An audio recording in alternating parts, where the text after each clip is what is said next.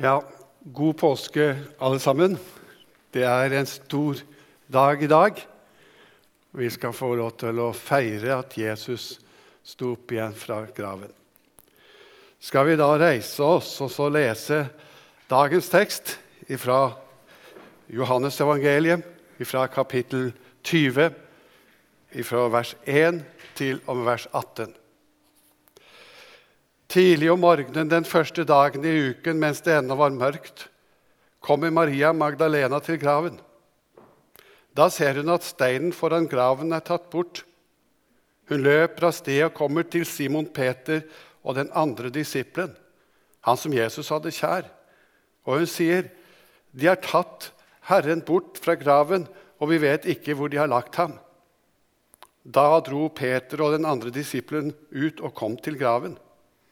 De løp sammen, men den andre disippelen løp fortere enn Peter og kom først. Han bøyde seg fram og så linklærne ligge der, men gikk ikke inn i graven. Simon Peter kom nå etter, og han gikk inn. Han så linklærne som lå der, og tørkleet som Jesus hadde hatt over hodet. Det lå ikke sammen med linklærne, men sammenrullet på et sted for seg selv. Da gikk den andre disippelen også inn. Han som var kommet først til graven, han så og trodde. Frem til da hadde de ikke forstått det Skriften sier, at han måtte stå opp fra de døde. Disiplene gikk så hjem. Men Maria sto like utenfor graven og gråt. Gråtende bøyde hun seg fram og så inn i graven. Da fikk hun se to hvitkledde engler sitte der Jesu kropp hadde ligget. En ved hodet og en ved føttene. Hvorfor gråter du, kvinne? spurte de. Hun svarte, De har tatt Herren min bort, og jeg vet ikke hvor de har lagt ham. I det samme snudde hun seg og så Jesus stå der, men hun skjønte ikke at det var han. Hvorfor gråter du, kvinne? spør Jesus. Hvem leter du etter? Hun trodde at det var garteren, og sa til ham, Herre, hvis du har tatt ham bort, så si meg hvor du har lagt ham, så skal jeg ta ham med meg. Maria, sa Jesus. Da snudde hun seg og sa til ham på hebraisk, Rabuni, det betyr mester. Jesus sier til henne, Rør meg ikke, for jeg er ennå ikke steget opp til far. Men gå til mine brødre og si til dem, at jeg stiger opp til ham som er min far og far for dere, min Gud og deres Gud. Da gikk Maria Magdalena av sted og sa til disiplene, Jeg har sett Herren. Og hun fortalte hva han hadde sagt til henne. Herre Jesus, dette er ditt ord til oss i dag. Jeg ber deg, Jesus, om at du må vise deg for oss gjennom ditt ord, slik at vi også kan se og tro. Amen.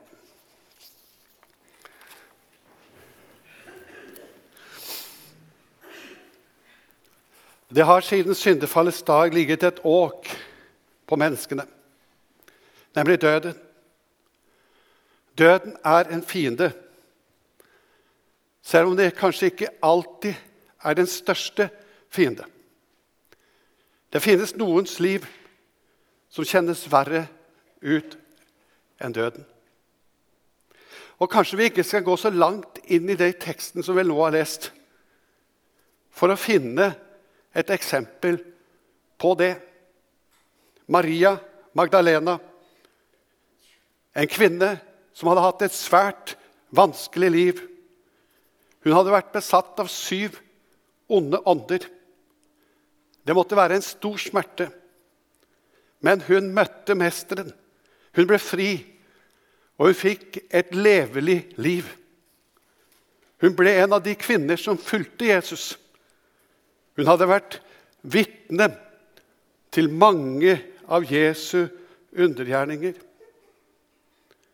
Forrige søndag, palmesøndag, så hørte vi om en annen Maria som hadde opplevd også mye sammen med Jesus. Men hun hadde en helt annen bakgrunn. Hadde, men allikevel så opplevde hun smerte. Sorgens smerte. Atskilthetens smerte. Hun kastet seg ned for Jesu føtter og fikk der gråte ut.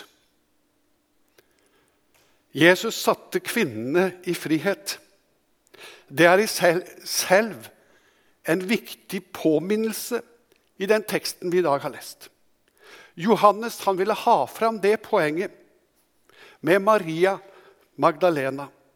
Hun som kom først til graven, og som den første fikk møte mesteren etter oppstandelsen.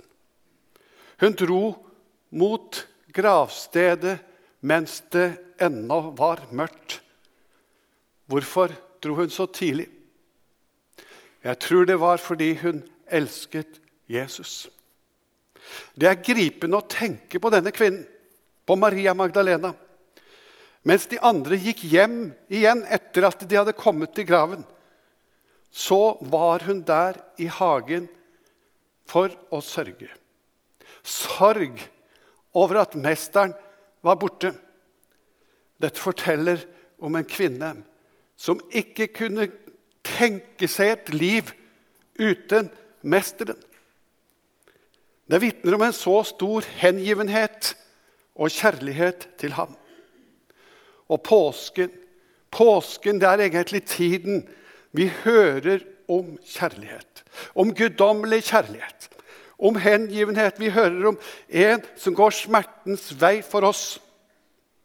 Men det handler òg om gjenkjærlighet. Og mennesker som går sammen med Jesus. Og ikke minst den kjærlighet vi ser etter at de møter Jesus igjen, etter at han har stått opp fra graven. En kjærlighet som Jesus vil at skal synes på andre. En kjærlighet som fører til oppdrag. F.eks. Peter i kapittelet etterpå. 'Elsker du meg?' Sier Jesus til Peter. 'Ja, fø mine lam, vokt mine får.' Og pass på sauene mine, vær hyrde for dem, Peter. Kjærligheten til Jesus førte til et oppdrag. Maria Magdalena hun hadde en hengivenhet og en kjærlighet til Jesus. Og hun viste med sitt nærvær hvor høyt hun elsket Jesus. Og Maria, denne kvinnen, fikk et oppdrag. Et kjempeoppdrag. Tenk det, Maria, med denne kompliserte fortid. De smertefulle erfaringer. Kanskje noen ville si med de smertefulle psykiske erfaringer som hun hadde vært igjennom etter at hun hadde opplevd besettelse av syv onde ånder. Og den glede hun hadde opplevd når Jesus hadde helbredet, som mens hun står der med tårer i øynene, i sorg vi ser det for oss.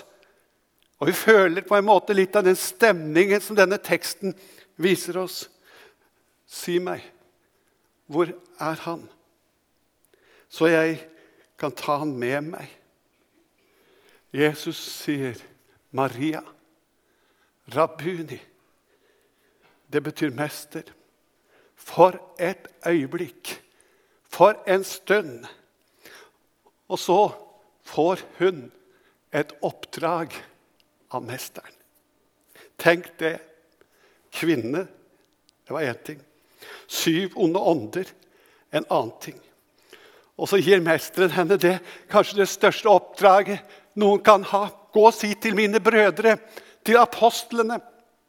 Så ble Maria Magdalena budbærer til de som sitter redde og forskremte, og som har fått egentlig oppdraget så går denne kvinnen med oppdraget. Hun har fått ifra Jesus et budskap så stort 'Jeg har sett Herren'. Og så sier Jesus, 'Gå til mine brødre og si til dem:" 'Jeg farer opp til min far og deres far, min Gud og deres Gud.' I den setningen så sammenfattes egentlig påskens budskap. Han er vår bror. Han ble en av oss. Han ble et menneske. Han er vår stedfortreder. Hans død er vår død. Så når han døde, så var det vi som døde. Og når han sto opp, så var det vi som sto opp. Og vi lever sammen med ham. Og nå sitter han ved Faderens høyre hånd, der han representerer oss inn for Faderen. Hører du den vakre setningen, mine brødre? Si til dem, mine brødre, jeg er deres bror. De som hadde sviktet og var redde og bortgjemte. Og det er min far, deres far, min Gud og deres Gud. Jesus er altså stedfortreder helt og fullt. Han er vår bror. Og vi er Kristi medarvinger. Smak på det ordet medarvinger. Du er Kristi medarving.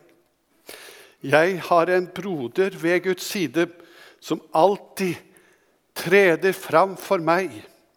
Jeg har en nådestrøm så vide som himmelens hvelving strekker seg. Jeg har en talsmann tro i nøden, en trøster og husvaler god. Jeg har et evig liv i døden, en evig fred i Jesu blod. Og Jesus Krist forøk meg troen, så jeg får se min salighet og aldri, aldri glemme kronen du har beredt fra evighet. Dette var altså dypest sett innholdet i det budskapet som Maria Magdalena skulle gå med til disiplene.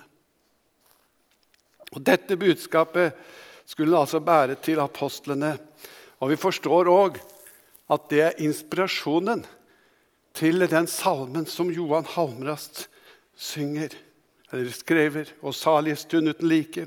Og der skriver hun jeg som, Tenk, jeg som ringest av ringe. Det var det som hun kanskje kunne kjenne på. Hun var ringest av ringe, skal få bringe et så salig et bud. Han kalte denne salmen Johan Halmrast for Maria Magdalenas jubel. Så han hadde tenkt på henne og fått inspirasjon fra denne teksten når han skrev den. Og kanskje identifiserte han selv også seg litt med denne eh, situasjonen. Denne fattige, pukkelryggede, som ikke fikk gjort noe særlig annet enn å skrive. Denne salmedikteren fra Nordre Land, som på en måte hadde et tilsynelatende mislykket liv. Vi sier om Jesus at han, og vi bekjenner sto opp fra de døde. Og det er visst og sant. Og Derfor så har vi flaggdag i dag. Derfor så roper vi hurra på Jesus. Derfor så roper vi halleluja, Jesus. Men det er noe vi må spørre hva betyr dette for oss? Rombrevet 4 25 har på en måte sammenfattet dette litt. Han som ble overgitt til døden for våre synder, oppreist for at vi skulle bli rettferdige. Overgitt til døden. Som Guds lam. Under Guds forbannelse. Våre synder driver han inn i døden. Men han seiret. Han vant. Han sto opp. Ja, men det står Faderen reiste han opp. Det betyr noe mer enn at han sto opp. Det betyr at Faderen stadfestet at det Jesus gjorde på Golgata, det holder. Det er nok. Det er helt fantastisk. Om vi nå velger å se litt juridisk på dette, så var det slik at Jesus Og da ber dere holde dere fast. Han døde en fortjent død. Han døde en fortjent død. En død vi hadde fortjent. Ikke han, men han døde i stedet for oss. Og når Faderen reiser han opp, så stadfester Faderen at det offer, det var nok. Og Gud er en forsonet Gud. Guds vrede rammet han. Og du er fri. Det er et fantastisk budskap. Det er det som gjør kristendom til kristendom. Det er det vi tror på, og det er det vi lever for. Vi har møtt Han som bar våre synder. Så Derfor finnes det ingen makt, ingen kraft, som kan holde Jesus i døden. Fordi det som forårsaket død, nemlig synd, den er sonet. Det er sant det at Jesus vant over djevelen på korset. Det står at han ble gjort til spott og spe. Han kledde av maktene, står det, og åndskreftene nakne og stilte dem til spott og spe da han viste seg som seiersherre på korset. Så vi er fridd ifra mørkets makt. For hva er det som binder egentlig menneskene? Dypest sett jo, det er synden. Synden binder oss. Men Jesus sonet syndens straff. Men det er noe mer. På grunn av det, som en følge av det, så vant han over døden. Ja, han simpelthen drepte døden ved å dø. Derfor så kan vi si, som det står i Rombrev 8, er Gud for oss. Hvem er da mot oss? Han som ikke sparte sin sønn, sin egen sønn, men gav ham for oss alle. Kan han gjøre noe annet enn gi oss alt sammen med ham? Han som ikke sparte sin egen sønn, men gav ham for oss alle. Vi sa i stad i trosbekjennelsen jeg tror på legemets oppstandelse. Jeg tror på kroppens oppstandelse. Bibelen sier at Kristus er førstegrøden. Førsteavlingen. Det er det som høstes inn først. Det som kommer etter, det er en del av samme avling. Av art av samme slag. Men kommer bare senere på høsten. Jesu oppstandelse var en fysisk oppstandelse som er godt bevitnet. Vi leser f.eks. i oppstandelseskapittelet i 1. Korinter kapittel 15. For først og fremst overga jeg til dere det jeg selv har tatt imot. At Kristus døde etter Skriftene, at han ble begravet, at han sto opp tredje dag etter Skriftene, og at han viste seg for Kefas og deretter for de tolv. Deretter viste han seg for flere enn 500 på en gang. Av de fleste, og av dem lever de fleste ennå, men noen er sovnet inn. Her var det altså slik at for den som ville sjekke opp dette Om de hadde fått se Jesus etter at han hadde stått opp De kunne ta kontakt med noen av de som hadde sett ham. Han hadde virkelig stått opp fysisk. Vi har alle erfaringer med sorgens stein på våre hjerter. Noen kanskje sterkere enn andre. Men vi tror på Jesus. Vi tror på legemets oppstandelse. Vi tror på en ny jord, en ny himmel, Et sted hvor vi skal skue Herren. Og jeg syns det er så rikt og fremtidsrettet, det som står i Jobb 19. Jeg vet at min gjenløse lever, og som den siste skal han stå frem på støvet. Når huden er revet av meg, og kjøttet er borte, skal jeg se Gud. Mine øyne ser Det er jeg som får se ham, ikke en fremmed. Mitt indre fortæres av lengsel. Som en i forsamlinga her sa denne uken. Jeg tror det finnes et DNA-arkiv hos Gud. Og i tidens morgen skal Gud settes sammen igjen, men dog uten skavanker. Fullkomment. Det er det vi tror på. Vi tror på legemets oppstandelse. Vi tror at Jesus har seiret over døden. Vi tror at vi, det er mine øyne, dine øyne, som skal skue Herren. Slik er det for hver en som tror på den korsfestede og oppstandende frelser. Jeg tror på legemets oppstandelse.